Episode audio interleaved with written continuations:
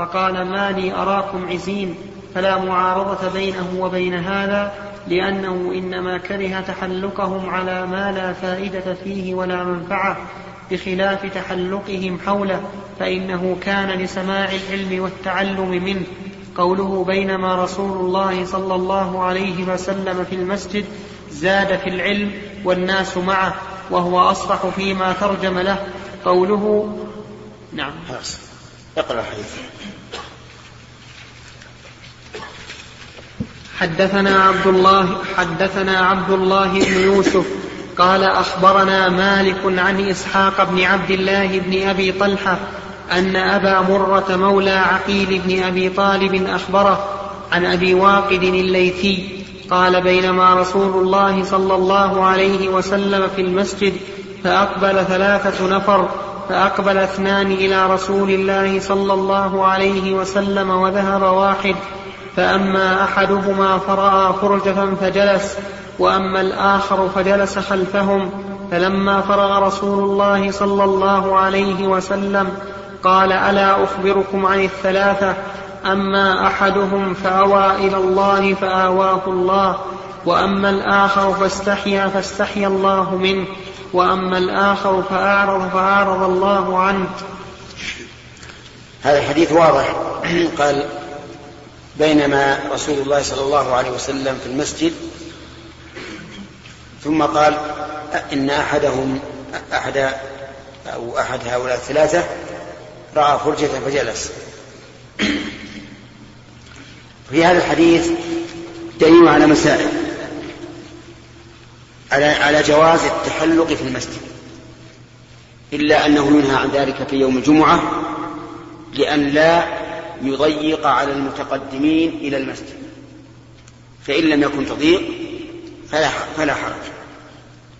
ومن فوائد هذا الحديث أن تحية المسجد ليست بواجبة لأن هؤلاء الثلاثة ما منهم أحد صلى تحية المسجد. وهذا الاستدلال قد ينازع فيه فيقال إن هذه قضية عين. فيحتمل أنه ليس منهم أحد على وضوء ويحتمل أنهم صلوا ثم حضروا إلى المجلس وإذا وجد الاحتمال بطل الاستدلال. وفي هذا الحديث إثبات الحياء لله عز وجل. نعم لا قبل. في هذا الحديث جواز الدخول في الفرجة في المجلس. لأن أحد الثلاثة رأى فرجة فجلس فيها. وهذا إذا كان هناك فرجة. أما إذا لم يكن فرجة ولكن المكان واسع فهنا يقول الداخل تفسحوا حتى يجلس. وأما الجلوس في وسط الحلقة فإنه منهي عنه مثل أن يتقدم الداخل فيجلس بين يدي الجلوس وسط الحلقة فإن هذا منهي عنه. وفي هذا الحديث دليل على ثبوت الحياء لله. لقوله أما أما الآخر فاستحيا فاستحيا الله منه. وقد ثبت هذا أيضا في السنة بل حتى في القرآن. فقال الله تعالى إن الله لا يستحيي أن يضرب مثلا ما بعوضة فما فوقها. وقال إن ذلكم كان يؤذي النبي فيستحيي منكم والله لا يستحي من الحق. وقال النبي صلى الله عليه وعلى آله وسلم إن الله حي كريم. والحياء صفة كمال. ولكن لا يستلزم أن يكون حياء الله بل يجب أن لا يكون حياء الله كحياء الآدمي. فإن الآدمي إذا اعتراه الحياء يجد من نفسه شيئا من الجبن وعدم القدرة على الكلام أو على العمل. أما الله عز وجل فإنه منزه عن ذلك يعني أن استحياء الله منزه عن النقص. وفي هذا الحديث من الفوائد خطورة ترك الجلوس في مجالس الذكر. لقوله صلى الله عليه وعلى آله وسلم وأما الآخر فأعرض فأعرض الله عنه. وأنه ينبغي للإنسان إذا مر بحلقة ذكر ولم يكن هناك شغل أهم أن يجلس حتى لا يكون ممن أعرض فأعرض الله عنه. وفي هذا الحديث إثبات الصفات الفعلية لله عز وجل وهي المتعلقة بمشيئته لقوله فآواه الله وقوله فأعرض الله عنه. ومذهب السلف وأئمة الخلف أن أن الأفعال الاختيارية ثابتة لله عز وجل وأنه يفعل ما يشاء متى شاء وأنكر ذلك أهل التعطيل. وقالوا لا يمكن أن تقوم بها صفات الأفعال الاختيارية وذلك لأنها حوادث والحوادث لا تقوم إلا بحادث. ولا شك أن هذه قضية عقلية مصادمة للنص فتكون باطلة. وإثبات الصفات الفعلية من من إثبات صفات الكمال لله لأن من من يفعل أكمل ممن ممن لا يفعل. وهذا أمر لا إشكال فيه. نعم. نعم عبد الله. الدلالة الله تعالى من تأخذ بالمفهوم المخالفة ولا من المفهوم المخالفة نعم. بارك الله فيكم في بعض البلاد الإسلامية يقوم شاب بين يدي خطبة الجمعة. يعني يتكلم كلمة قصيرة للناس يتمرس بها على يعني الدعوة إلى الله تعالى فهل في هذا معارضة مع مع نهي النبي صلى الله عليه وسلم عن الحلق يوم الجمعة؟ يعني التحلق يوم الجمعة. يقوم متى؟ إذا جاء الإمام؟ قبل قبل ما يأتي بربع ساعة يتكلم خمس دقائق أو أو سبع دقائق. أمام الناس؟ هذه بدعة. هذه أصلا بدعة لأن خطبة الجمعة تغني عن هذا.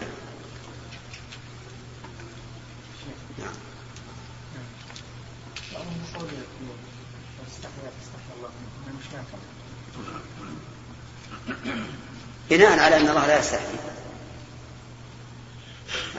وهذا غلط. نعم.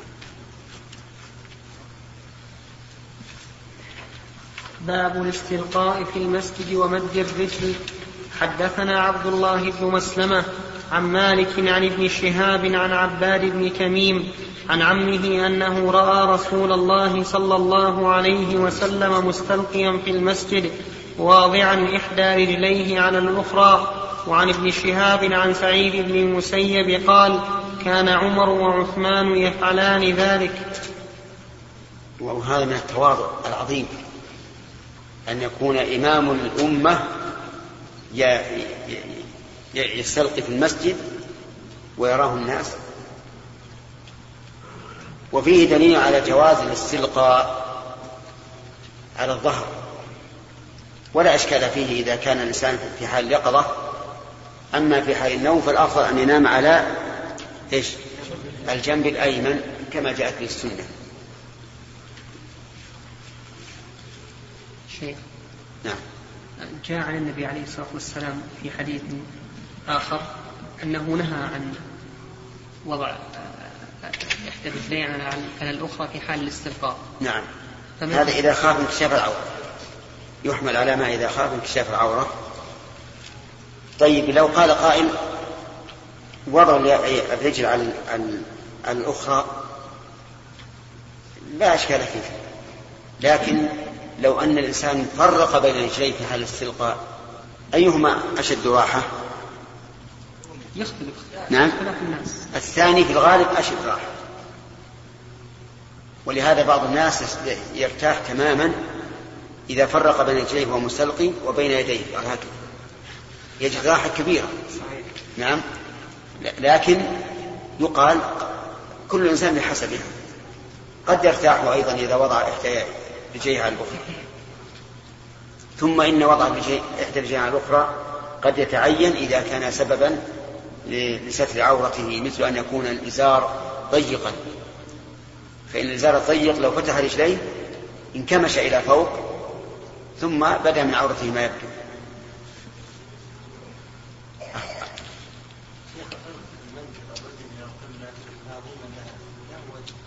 نعم. لا ابدا لا ليس له وجه. الفقهاء قالوا إذا كان الإنسان مريضا فإنه يجوز أن يصلي مستلقيا وجهه القبله كيف؟ ما هي ضرورة. حتى ولا بغير ضرورة. وقت. انتهى. الحمد لله رب العالمين والصلاة والسلام على نبينا محمد وعلى آله وصحبه أجمعين.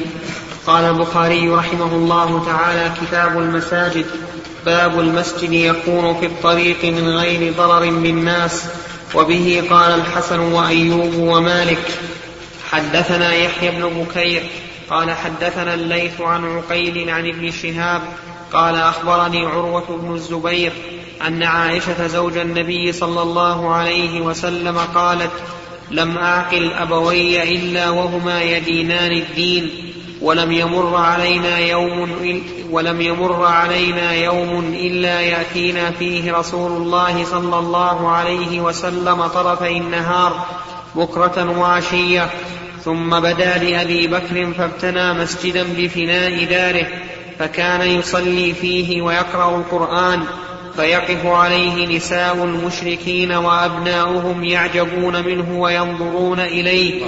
وكان أبو بكر رجلا بكاء لا يملك عينيه إذا قرأ القرآن فأفزع ذلك أشراف قريش من المشركين. هذه الترجمة فيها أنه يجوز أن يبنى في الطريق مسجد.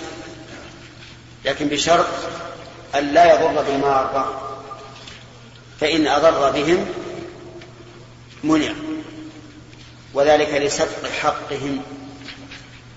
فيكون هذا المسجد واردا عليهم فلا يمكن من بناه من إضراره من إضراره من إضراره بالمسلمين.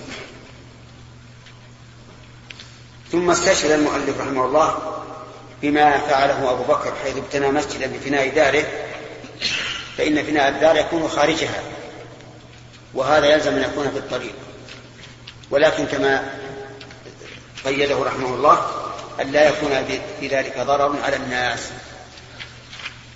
وفي الحديث حسن خلق النبي صلى الله عليه وعلى آله وسلم وقيامه بحق صحبه حيث حيث كان يأتي لأبي بكر بكرة وعشية.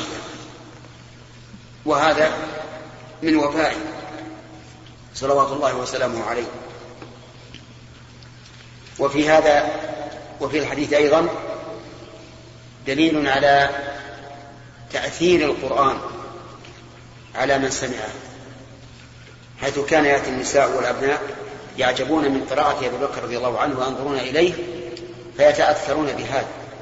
ولهذا فزع أشراف قريش من هذا الأمر. نعم. باب الصلاة في مسجد. بعض البلدان يكون المسجد بعيد عن السوق فيتفق كل أصحاب المحلات خمس محلات أو عشر محلات ويجعلون مصلى أمام أحد المحلات. أن هذا الحديث يعتبر أصل هذا الشيء؟ قد يقال هذا وقد لا يقال أيضا لأن هذه في مكة. قبل تمام الأحكام واستتبابها وقبل وجوب الجماعة أيضا. نعم؟ الظاهر لكن لا بد أن نستأذن من حاكم البلد. نعم؟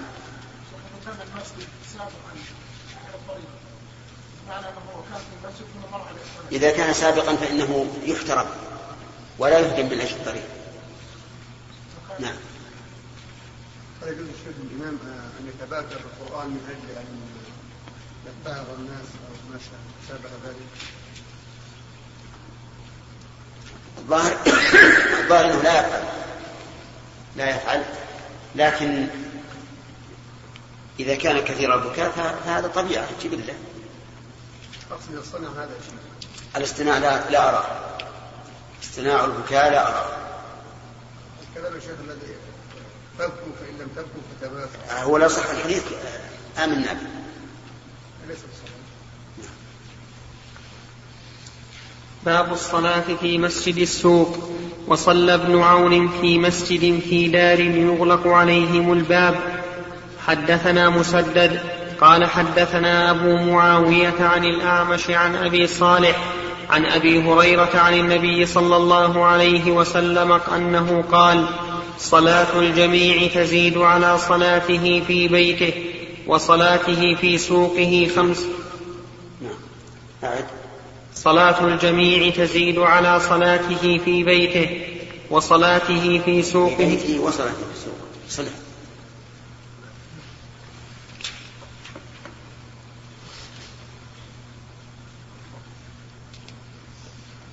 صلاة الجميع تزيد على صلاته في بيته وصلاته في سوقه خمسا وعشرين درجة. فإن أحدكم إذا توضأ فأحسن. وأتى المسجد لا يريد إلا الصلاة. لم يخط خطوة إلا رفعه الله بها درجة. وحط عنه خطيئة حتى يدخل المسجد. وإذا دخل المسجد كان في صلاة ما كانت تحبسه. وتصلي يعني عليه الملائكة ما دام في مجلسه الذي يصلي فيه. اللهم اغفر له اللهم ارحمه ما لم يحدث فيه. لا عندي ما لم يحدث فيه فيها نصرة. ما لم يحدث يحدث فيه. قال باب الصلاة في مسجد السوق. وكأن هذا مسجد خلاف المساجد العامة التي تبنى في الأحياء والدور ولعلها مثل المساجد التي يشير إليها الطاهر قبل قليل. وصلى ابن عون في مسجد في دار يغلق عليهم الباب. كأنه مصلى في هذا في هذا البيت يغلق عليه الباب ويصلون فيه. وهو مبني على قول من يقول إن الواجب الجماعة لا في المسجد. وأن الناس لو صلوا جماعة لو صلوا جماعة في دورهم كفى. والصحيح أنه لا بد من إقامة الجماعة في المساجد. وأن أقل ما يقال في ذلك إنه فرض فرض كفاية. وأما أن نقول للناس ابنوا المساجد وأنتم بالخيار إن شئتم صلوا فيها وإن شئتم صلوا في بيوتكم جماعة فهذا بعيد. ثم ذكر حديث أبي هريرة رضي الله عنه والشاهد من قوله صلاة الجميع تزيد على صلاته في بيته وصلاته في سوقه مما يدل على أن أن الرجل قد يصلي في السوق وهو كذلك. واستدل بعض العلماء بهذا الحديث على أن صلاة الجماعة ليست بواجبة لأن قوله على صلاة في في بيته وفي سوقه يدل على إقرار ذلك. وأن صلاة الجماعة أفضل من هذا. فيقال هذا الحديث من الأحاديث المتشابهة. والواجب أن يرد المتشابه إلى المحكم وهو وجوب صلاة صلاة الجماعة فإن النصوص في ذلك ظاهرة. وفيه أيضا دليل على أن كتابة أجر الخطى تنتهي بدخول المسجد. لكن يأتي ما هو أفضل من ذلك وهو أنه إذا دخل المسجد فإنه لا يزال في الصلاة ما كانت الصلاة تحبسه. وهذا أفضل من كتابة ثواب الخطاء لأن هذا هو المقصود. والخطأ وسيلة لا غاية. والغاية أفضل أفضل من الوسيلة. نعم.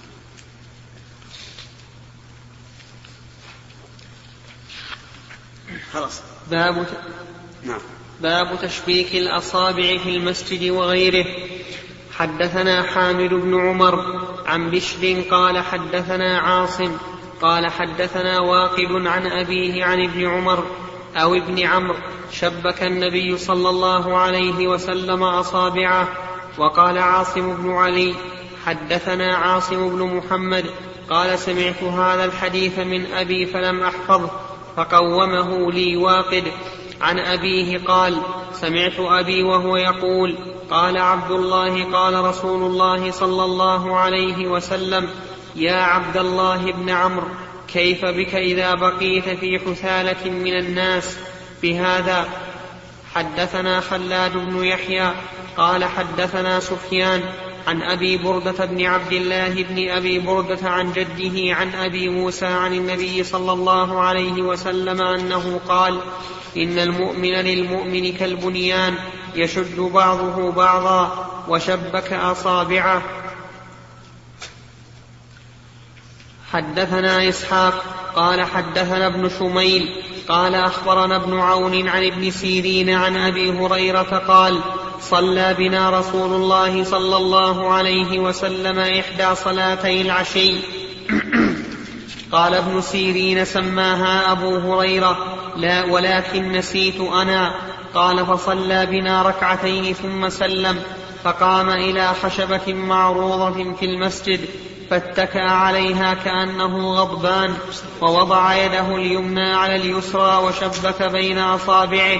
ووضع خده الأيمن على ظهر كفه اليسرى وخرجت السرعان من أبواب المسجد فقالوا قصرت الصلاة وفي القوم أبي وفي القوم أبو بكر وعمر فهابا أن يكلماه وفي القوم رجل في يديه طول يقال له ذو اليدين. قال يا رسول الله أنسيت أم قصرت الصلاة؟ قال لم أنس ولم تقصر. فقال أكما يقول ذو اليدين؟ فقالوا نعم. فتقدم فصلى ما ترك ثم سلم ثم كبر وسجد مثل سجوده أو أطول ثم رفع رأسه وكبر ثم كبر وسجد مثل سجوده أو أطول ثم رفع رأسه وكبر فربما سألوه ثم سلم. فيقول نبئت أن عمران بن حصين قال ثم سلم. التشبيك بين الأصابع في المسجد وغيره جائز إلا أنه لمنتظر الصلاة لا ينبغي. أما بعد الصلاة فلا بأس به. ثم استشهد المؤلف رحمه الله بعدة أحاديث استدل بها لكن الحديث الثاني كيف بك إذا بقيت في حثالة من الناس؟ لا بد أن نعرف من الشرع ما وجه إيراده في هذا الباب. نعم. إيش؟ زائد. زائد. شنو زيادة عندكم آخر كيف كيف هنا. هذا ورسم الزبيدي في مسلم بن عمر شبه النبي صلى الله عليه وسلم وقال كيف انت يا عبد الله اذا بقيت في امثال من الناس مرجت قد مرجت عقودهم وأناتهم واختلفوا وصاروا يعني صار صار فيه زيادة. حذفها البخاري. نعم. إذا زاد الإشكال.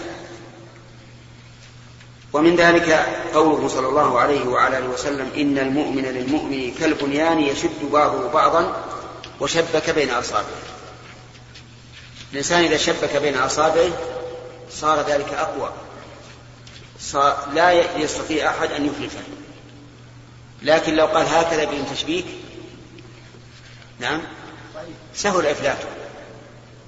التشبيك يقوي تقوي إحدى اليدين الأخرى وهكذا المؤمن المؤمن. كالبنيان يشد بعضه بعضا فإذا رأيت المجتمع المسلم على هذا الوجه فهم مؤمنون. وإن رأيتهم على خلاف ذلك فليسوا بالمؤمنين. مسلمون وليسوا بمؤمنين لنقص إيمانهم. مجتمعنا اليوم على هذا الوجه.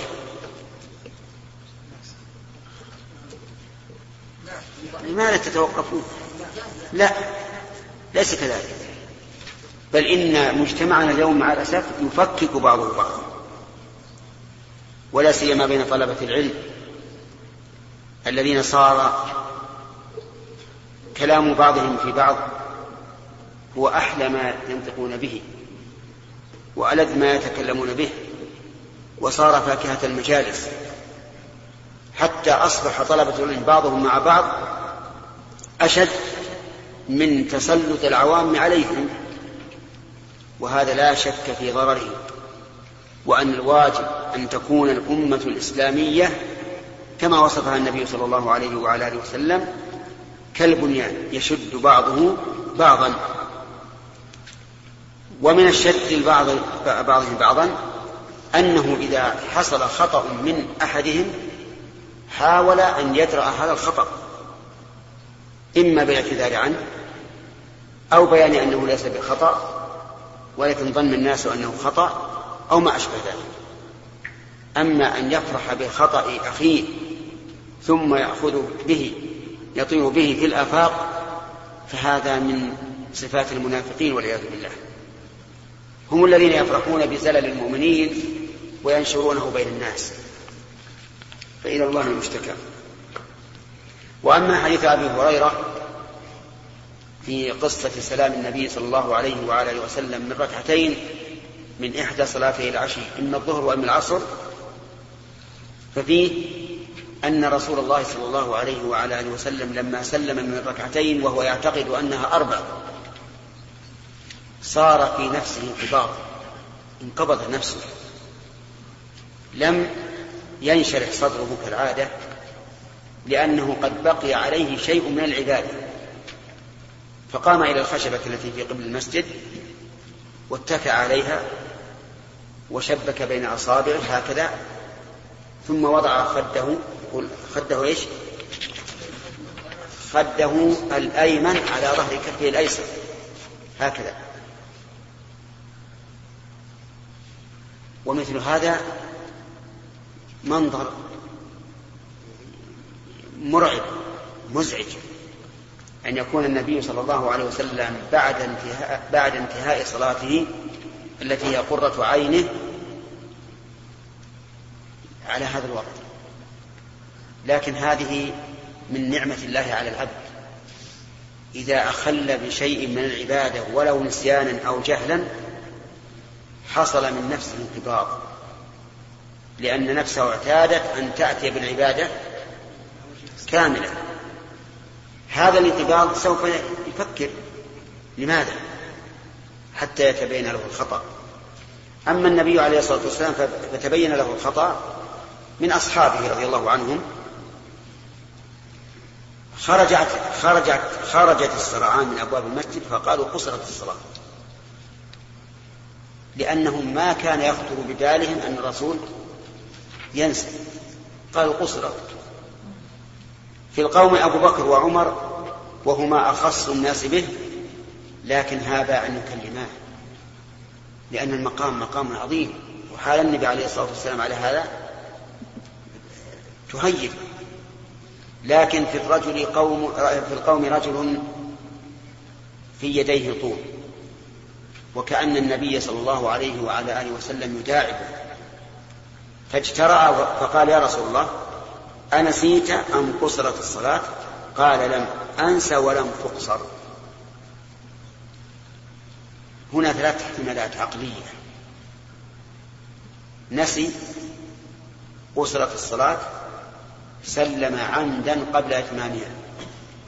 والثاني وإن كان جائزا عقلا لكنه إيش؟ ممتنع باعتبار حال النبي عليه الصلاة والسلام. لا يمكن أن يسلم عامدا قبل تمام الصلاة.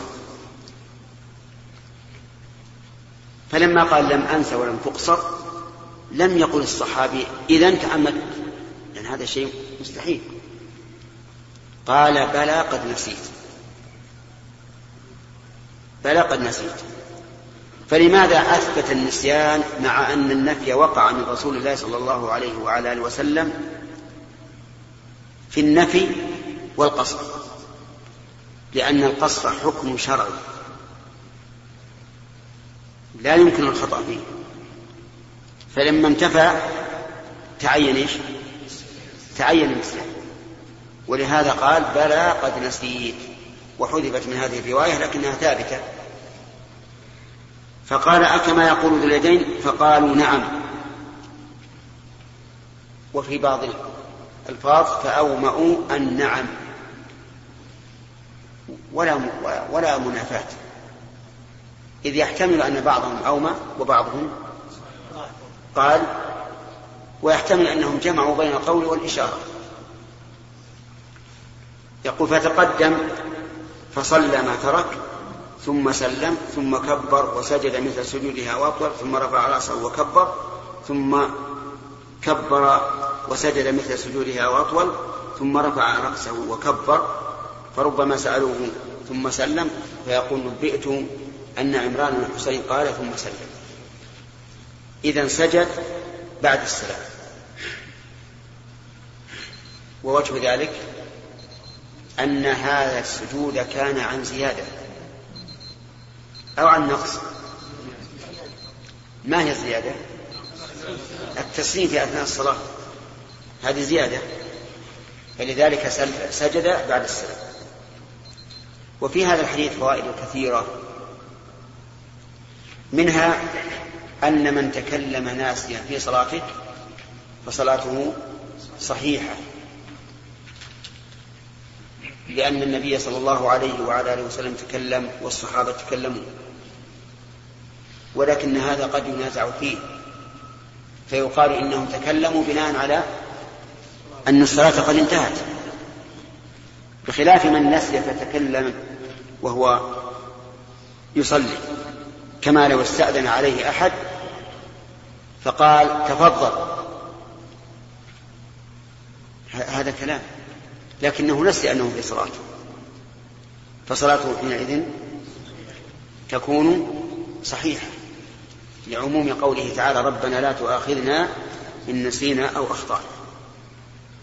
ومثل ذلك لو, قال لو قيل له وهو يصلي هل حضرت الدرس الفلاني؟ قال نعم واستفدت منه. فإن, فإن صلاته لا تبطل لأنه ناسي. نعم. يستفاد الشيخ من قولهم وصلت الصلاة أن الأصل في النبي صلى الله عليه وسلم التشريع إي نعم. يستفاد من قولهم قصرت الصلاة أن الأصل في ذلك التشريع. عبيد.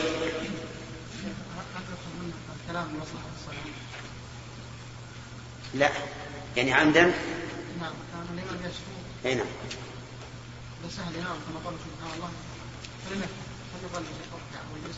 يقال إر- يا أيها الذين آمنوا اركعوا واسجدوا. ما فهم هذا؟ يتقدم اللي وراه. ويعكف ظهره. إي نعم. لأنه لو قال اركع بطل الصلاة. بطل صلاة القائم سلامة. خرج من بيته لكنه نفسه هذا الفضل العظيم أم أن فضل الله واسع؟ الظاهر والله أعلم أنه لا, لا يفوت الفضل وأن آه، خطوة السيارة كخطوتي لكني أنصح الإنسان القادر على المشي أن يأتي إلى المسجد بالسيارة. أقول امشي لأن المشي فيه فائدة كبيرة للبدن. وإذا تعود الإنسان أن لا يسير إلا بالسيارة حصل عليه ضرر نعم نعم يا خالد. باب المساجد التي على طرق المدينة والمواضع التي صلى فيها النبي صلى الله عليه وسلم. حدثنا محمد بن أبي بكر المقدمي. قال حدثنا فضيل بن سليمان. قال حدثنا موسى بن عقبة. قال رأيت سالم بن عبد الله يتحرى أماكن من الطريق فيصلي فيها ويحدث أن أباه كان يصلي فيها. وأنه رأى النبي صلى الله عليه وسلم يصلي في تلك الأمكنة. وهذا الذي فعله ابن عمر رضي الله عنه وعن أبيه لم يوافقه عليه الصحابة لأنهم يعلمون أن النبي صلى الله عليه وعلى آله وسلم لم يفعل ذلك ليستن به ولكنه فعله اتفاقا. وما فعل اتفاقا فإنه لا يظهر فيه إرادة التشريع. وما ذهب إليه أكثر الصحابة هو الأصح وأنه لا ينبغي تقصد هذه الأماكن لكن لمحبة ابن عمر رضي الله عنهما لاتباع السنة كان يفعل حتى هذه الأشياء التي وقعت اتفاقا. نعم.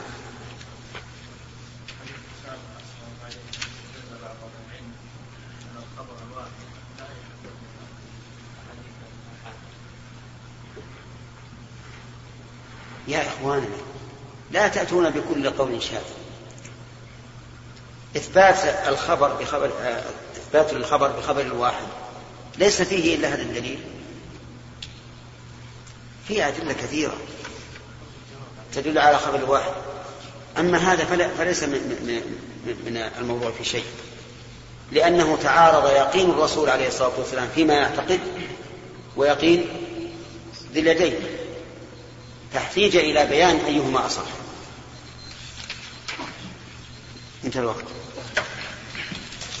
الروحاء وقد كان عبد الله يعلم المكان الذي كان صلى فيه النبي صلى الله عليه وسلم يقول ثم عن يمينك حين تقوم في المسجد تصلي وذلك المسجد على حافة الطريق اليمنى وأنت ذاهب إلى مكة بينه وبين المسجد الأكبر رمية بحجر أو نحو ذلك وأن ابن عمر كان يصلي إلى العرق الذي عند منصرف الروحاء وذلك العرق انتهاء طرفه على حافة الطريق دون المسجد الذي بينه وبين المنصرف وأنت ذاهب إلى مكة وقد ابتني ثم مسجد فلم يكن عبد الله يصلي في ذلك المسجد كان يتركه عن يساره ووراءه. ويصلي أمامه إلى العرق نفسه وكان عبد الله يروح من الروحاء فلا يصلي الظهر حتى يأتي ذلك المكان فيصلي فيه الظهر وإذا أقبل من مكة فإن مر به قبل الصبح بساعة بساعة أو من آخر السحر عرس حتى يصلي حتى يصلي بها الصبح وأن عبد الله حدثه أن النبي صلى الله عليه وسلم كان ينزل تحت سرحة ضخمة دون الرويثة عن يمين الطريق ووجاه الطريق في مكان بط في مكان بطح سهل حتى يفضي من أكمة من حتى يفضي من أكمة دوين حتى يفضي من أكم من أكمة دوين بريد الرويثة بميلين وقد انكسر أعلاها فانثنى في جوفها وهي قائمة على ساق وفي ساقها كتب كثيرة وأن عبد الله بن عمر حدثه أن النبي صلى الله عليه وسلم صلى في طرف تلعة من وراء العرج وأنت ذاهب إلى هضبة عند ذلك المسجد قبران و... و... السكون. نعم. إلى هضبة. نعم. السكون أي وأنا كذلك. وأنت ذاهب إلى هضبة عند ذلك المسجد قبران أو ثلاثة على القبور رضم من حجارة عن يمين الطريق عند عند سلمات الطريق. بين أولئك بين أولئك السلمات كان عبد الله يروح من العرج بعد أن تميل الشمس بالهاجرة فيصلي الظهر في ذلك المسجد. وأن عبد الله بن عمر حدثه أن رسول الله صلى الله عليه وسلم نزل عند سرحات عن يسار الطريق في مسيل دون في مسيل دون هرشا. ذلك المسيل ذلك المسيل لاصق بكراع هرشا. بينه وبين الطريق قريب من غلوة. وكان عبد الله يصلي إلى سرحة هي أقرب السرحات إلى الطريق وهي أطولهن. وأن عبد الله بن عمر حدثه أن النبي صلى الله عليه وسلم كان ينزل في المسيل الذي في أدنى مر الظهران قبل المدينة حين يهبط من الصفراوات. ينزل في بطن ذلك المسير عن يسار الطريق وأنت ذاهب إلى مكة. ليس بين منزل رسول الله صلى الله عليه وسلم وبين الطريق إلا رمية بحجر. وأن عبد الله بن عمر حدثه أن النبي صلى الله عليه وسلم كان ينزل بذي طوى ويبيت حتى يصبح يصلي الصبح حين يقدم مكة ومصلى رسول الله صلى الله عليه وسلم ذلك على أكمة غليظة ليس في المسجد الذي بني ثم ليس في المسجد الذي بني ثم ولكن أسفل من ذلك على أكمة غليظة. وأن عبد الله حدثه أن النبي صلى الله عليه وسلم استقبل فرضتي الجبل استقبل فرضتي الجبل الذي بينه وبين الجبل الطويل نحو الكعبة فجعل المسجد الذي بني ثم فجعل المسجد الذي بني ثم يسار المسجد بطرف الأكمة ومصلى النبي صلى الله عليه وسلم أسفل منه على الأكمة السوداء. تدع من الأكمة عشرة أذرع أو نحوها ثم تصلي مستقبل الفرضتين ثم تصلي مستقبل الفرضتين من الجبل الذي بينك وبين الكعبة. عجائب هذا الطريق وهذا المسار لعبد الله بن عمر وهذا التتبع. إلا أنه سبق لنا أن هذا الأصل الذي بنى عليه عبد الله بن عمر منهاجه مخالف لما كان عليه أكثر الصحابة رضي الله عنهم. وذلك لأن صلاة النبي صلى الله عليه وعلى آله وسلم في هذه المواضع كانت اتفاقا ولهذا لم يشر النبي صلى الله عليه وعلى آله وسلم إلى فضيلة الصلاة فيها. فدل هذا على أنها أماكن اتفق أن تصادفه الصلاة في هذا المكان فصلى فيها. ولكن لله در الرواة ودر عبد الله بن عمر على هذا السياق. فمن الذي يتصدى يتصدى لنا ببيان هذه الأماكن ويستعين بما كتبه محمد الجاسر أو غيره. ربي يسر. اللهم افتح. كان محمد الوجوب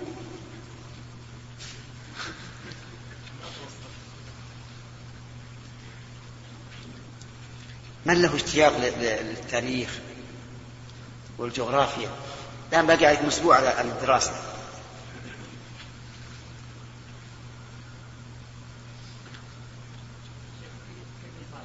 نعم. عشان نعرف هل, هل تغيرت الأسماء ولا أو لم تتغير أو هي على ما هي عليه. لأني أظن أنه سوف يذكر هذا الحديث. لأنه وصف للطريق تماما. وكان الأخ محمد الشرافي يقول لا تعرض علينا هذا لأنه لا فائدة نعم. لا ابدا ولا ولا ولا ولا يقضي البال خير إن شاء الله ما دام ما ترونه خير إن شاء الله طيب. نعم. ها؟ الشرط مشكلة. لا لو قلنا أين؟ تقول ما استطعت نعم. المهم س... س... أنت ستجتهد أو لا. خلاص. إذا انتهى الوقت. اتق الله ما نعم.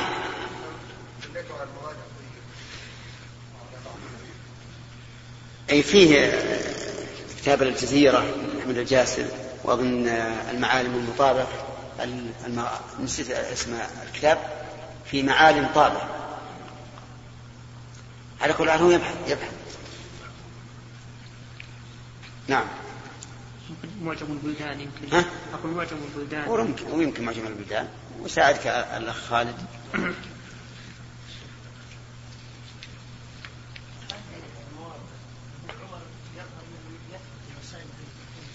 إيه؟ إيه لأنها لا تصادف المكان الذي صلى فيه الرسول. نعم. بارك الله فيكم. في الأحاديث التي مرت ذكرنا أن الأماكن التي صلى فيها النبي صلى الله عليه وسلم وقعت اتفاقا لكن ما ورد من أن النبي صلى الله عليه وسلم كان يبيت قبل أن يدخل مكة. نعم. يعني علله بعض العلماء أنه يعني لأنه أنشط له وأقوى له. لا هذا غير. هذا هذا بات هناك لاجل يغتسل ويدخل مكة نشيطا. يعني من السنة يا شيخ ان الإنسان. إي نعم نعم. من السنة ان يفعل. لكن الآن ما هو ما هو نعم.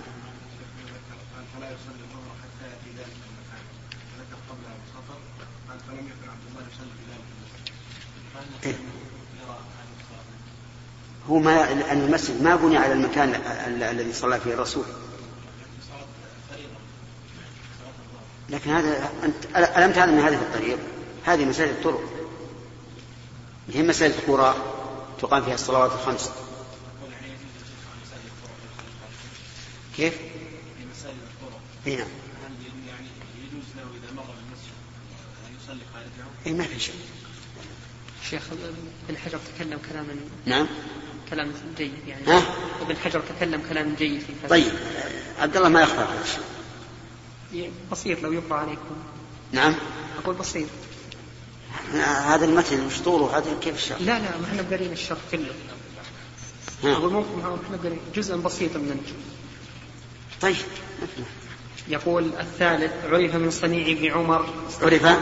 من صنيع ابن عمر. نعم. استحباب تتبع آثار النبي صلى الله عليه وسلم والتورك بها. وقد قال البغوي في من الشافعية أن المساجد التي ثبت إن إن. إن المساجد التي ثبت أن النبي صلى الله عليه وسلم صلى فيها لو نذر أحد الصلاة في شيء منها تعين كما تتعين المساجد الثلاثة. الرابع ذكر البخاري هذا المساجد غير صحيح. هذا غير صحيح. ليست تقصد للتبرك بها. حتى المساجد الثلاثة ما تقصد للتبرك بها. إنما تقصد لكثرة الثواب. ثم أيضا لو نظر أحد أن يصلي في المكان الذي صلى فيه الرسول